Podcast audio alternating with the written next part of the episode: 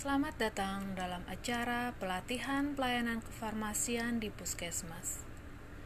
Tujuan pelatihan ini agar peserta dapat memahami pelayanan kefarmasian sesuai standar. Pelayanan kefarmasian di Puskesmas berpedoman pada Permenkes 74 tahun 2016 tentang standar pelayanan kefarmasian di Puskesmas.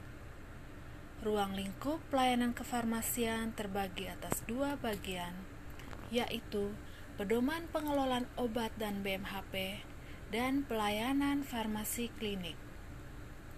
Pedoman pengelolaan obat dan BMHP meliputi semua proses pengelolaan obat dan BMHP, mulai dari perencanaan, pengadaan, penerimaan, penyimpanan, pendistribusian, pemusnahan, dan penarikan.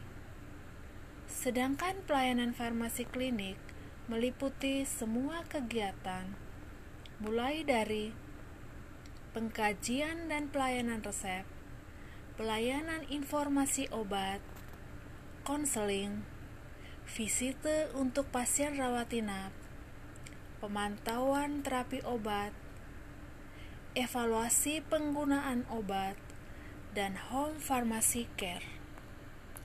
Agar dapat memahami materi ini dengan baik, kami mengharapkan Anda untuk mengikuti pelatihan ini dari awal hingga akhir.